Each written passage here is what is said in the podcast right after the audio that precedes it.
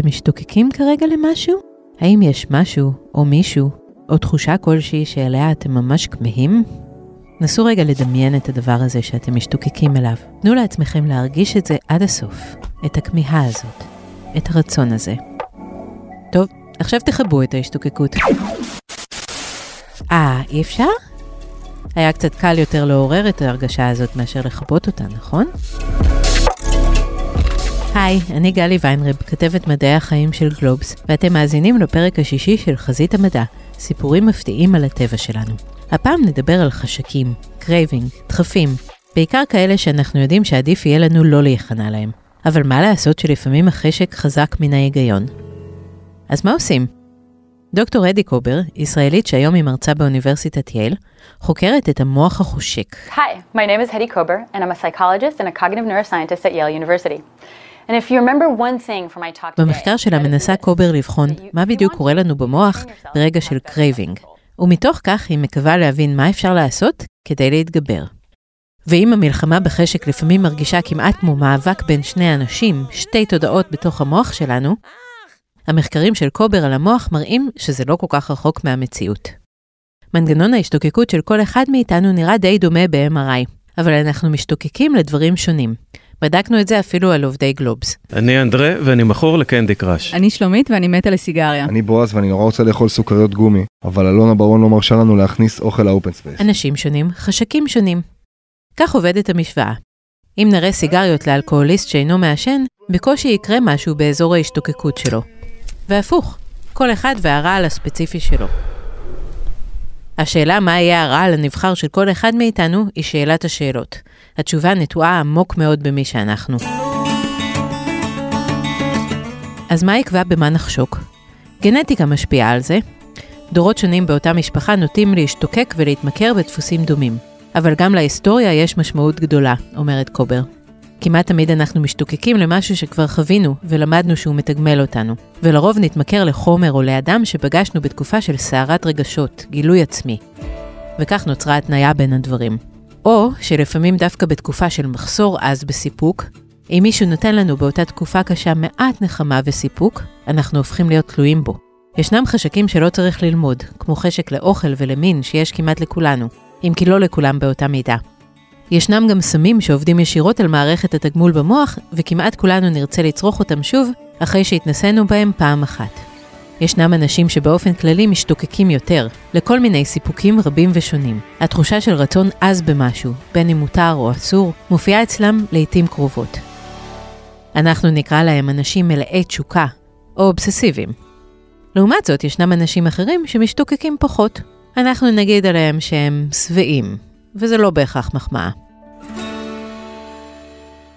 כמו שראינו, את החשק קל לעורר וקשה לכבות. על התופעה הזו מסתמכים הפרסומאים, שמפגיזים אותנו כל הזמן בתזכורות לדברים שאנחנו כל כך רוצים. מרקם עדין, טעים, ריח העלים ובצבע השמש. אמבה ברוך, The Fresh Maker. את הקשר בין הפרסומות לבין התוצאות אפשר לראות היטב במחקר. בעשורים האחרונים עלתה כמות הפרסומות למזון לא בריא, והוכח באופן די חד משמעי שהחשיפה מגבירה את האכילה. לעומת זאת, פרסומות לסיגריות הוגבלו, וכמות המעשנים ירדה. יש לכך הרבה סיבות אחרות כמובן, אבל לא כדאי לזלזל בעניין הפרסומות. מחקרי ה-MRI הראו שככל שהגירוי קרוב, גדול ועוצמתי יותר, גם התגובה המוחית באזור של החשק במוח חזקה יותר.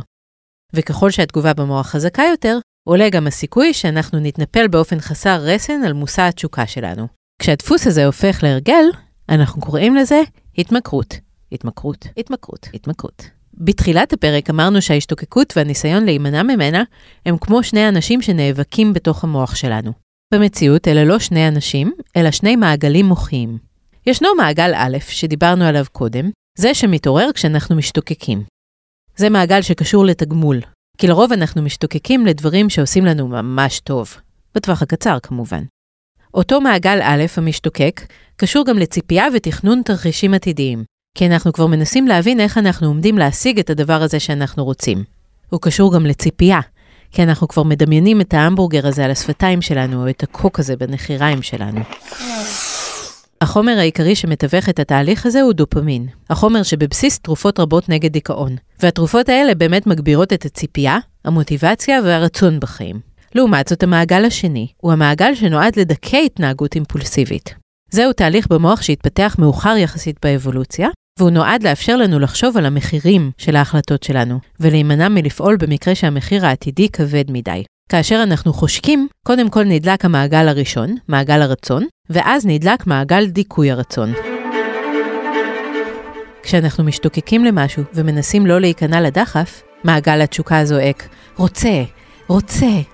מעגל השליטה העצמית זועק, אסור, אסור. ואם בסוף התהליך, בין אם הצלחתם להתאפק ובין אם לא, אתם מרגישים מותשים. כאילו עברתם קרב אגרוף נגד עצמכם, זה כמעט לגמרי כך. אז מה עושים? קובר מציעה שלוש אסטרטגיות עיקריות. לאחת מהן אפשר לקרוא שיטת השועל והענבים. המטרה, להוריד את הפעילות במעגל התשוקה במוח. האמצעי, לשכנע את עצמנו שמה שאנחנו משתוקקים לו, הוא בכלל לא כל כך מוצלח. העוגה הזו, היא בסך הכל הר של חמאה וסוכר, והחמאה חמה ונוזלת והסוכר נגרס לנו בין השיניים בצורה לא נעימה. והסיגריה הזו, היא מקל עפר, ואנחנו בעצם שואפים לתוך הריאות פיח ישר מהערובה של חדרה, ו... הבנתם נראה לי. דמיון מודרך שכזה, אם אנחנו אכן מצליחים להתמיד בו, יכול להוביל להיחלשות הפעילות במעגלי ההשתוקקות במוח. האפשרות השנייה היא להמשיך להשתוקק, להמשיך להרגיש את ה craving, ועדיין לשלוט בהתנהגות שלנו. זה קורה, זה אפשרי. הדרך לעשות זאת היא על ידי כך שנדגיש בפני עצמנו את המחיר השלילי שיכול להיות לבחירה שלנו. נדמיין את עצמנו מתגלגלים ברחוב שיכורים ומישהו שמכיר אותנו כמעט נתקל בנו בטעות ומתרחק ואומר, איך, שיכור. או שנדמיין שהאקסית אכן עונה לטלפון, אבל התגובה שלה צוננת. מה אתה רוצה? אם תדקלמו לעצמכם משפט מנטרה במוח, זה יכול לעורר את מעגלי השליטה שלכם. משפט כמו, אני שולט בגורלי, והרצון לא שולט בי. אני עושה את זה בשביל הילדים שלי. או, הסיגריה הזאת לא תשפר את ההרגשה שלי. המשפט יכול להיות ממש טיפשי, העיקר שאתם מאמינים בו. המאפיין של התשוקה הוא שהיא עולה ונעלמת כמו גל. כך שזה משחק של מי ממצמץ ראשון. אם מרכז השליטה יחזיק מעמד אחרי שהתשוקה תדעך, הרי שהשליטה תנצח. אסטרטגיה שלישית, חיובית יותר, היא להגביר את האטרקטיביות של האופציה הבריאה, או להתרכז בתגמול החיובי שיפול בחלקנו אם אמנם נצליח להתמיד בשליטה. קובר מספרת כי נבדקים התבקשו לדמיין את הפריחות של החסה ואת הוויטמינים הנוזלים מן הברוקולי. לטענתה גם לשיטה זו יש תוצאות מצוינות, והיא קצת יותר נעימה מכל הדמיון המודרך המבאס שהצגנו קודם. זה נכון גם לגבי תגמול ארוך טווח, כמו למשל בריאות טובה בגיל מבוגר או חופש מהתלות בסם שאנחנו כל כך מכורים אליו. אם נצליח לדמיין את העתיד החיובי בעוצמה רבה, ולא כעניין רחוק וחמקמק, תיווצר זירת התמודדות הוגנת במוח. השתוקקות מול השתוקקות, סיפוק מול סיפוק. כך שליטה עצמית יכולה להפוך מעינוי ומאמץ לסיפוק עצמו, אם נשכיל לדמיין את התוצאה באופן חי וחיוני מספיק. איך אפשר לחזק את מרכז השליטה ולנהל את התשוקה? האמת שהתרופה הכי טובה שידועה היום לאנושות בתחום הזה היא אנשים ומילים, או ספציפית, טיפול פסיכולוגי מסוג קוגניטיבי התנהגותי. טיפול כזה עוזר לנו בכל האסטרטגיות שתיארתי לכם, כי הוא מצייד אותנו בארסנל של מנטרות, שאנחנו יכולים לומר לעצמנו שוב ושוב, עד שנחליש את ההשתוקקות ונחזק את השליטה. הדבר המעניין הוא שאנשים שעוברים את הטיפול הזה, יעברו גם שינוי של ממש במוח, שינוי שאפשר לראות אותו בסריקת MRI. מה עוד יכול לעזור? תרגול מיינדפולנס, או קשיבות בעברית צחה. זוהי טכניקה שהושאלה מדתות המזרח ומקובלת היום בפסיכולוגיה המערבית כאמצעי להשיג שליטה בהשתוקקות. השפעות השיטה הזו כבר הוכחו במחקרי הדמיה, כמו אלו שעורכת דוקטור הדי קובר.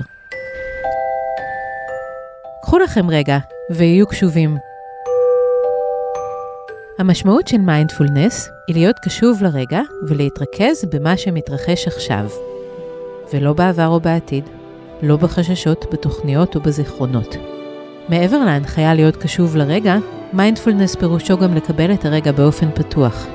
לקבל את התחושות ואת המחשבות שלנו כפי שהן, בלי להתנגד להן ובלי לנתח אותן. לכאורה יש כאן סתירה.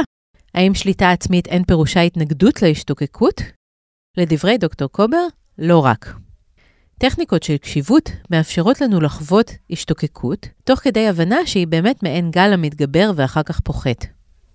כשאנחנו מתרגלים קשיבות, אנחנו יכולים לקבל את ההשתוקקות, לחוש אותה גוברת, מתעצמת, ואחר כך פוחתת, ולהתבונן בה במקום לפעול על פיה. הנטייה הטבעית שלנו כבני אדם היא לפעול כדי לממש את הרצונות שלנו. אבל קשיבות מאפשרת לנו להשתהות מעט לפני שאנחנו עושים את זה. כשמתרגלים קשיבות, התחושה היא לפעמים כאילו המחשבות והחוויות מגיעות אליך בקצב מועט, אומרת קובר. וכמו במטריקס, יש זמן רב יותר להתבונן במחשבה ולהסיט אותה הצידה, אם איננו רוצים לחוות אותה. לא סתם היה זה בודה שאמר שהרצון הוא הבסיס לכל סבל.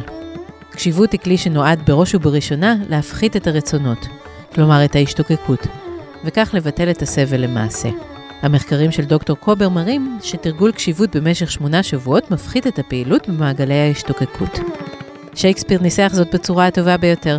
אין טוב או רע, אלא המחשבה הופכת אותם לכאלה. כלומר, אם נחליט שהבעיות שלנו אינן בעיות, אלא פשוט חוויות, וכך גם ההשתוקקות, נוכל לסבול מהן פחות. זהו, סיימנו. אם אתם משתוקקים להאזין לפרקים הקודמים שלנו, חפשו אותנו באתר גלובס, בפייסבוק, באינסטגרם ובאפליקציות הפודקאסטים השונות.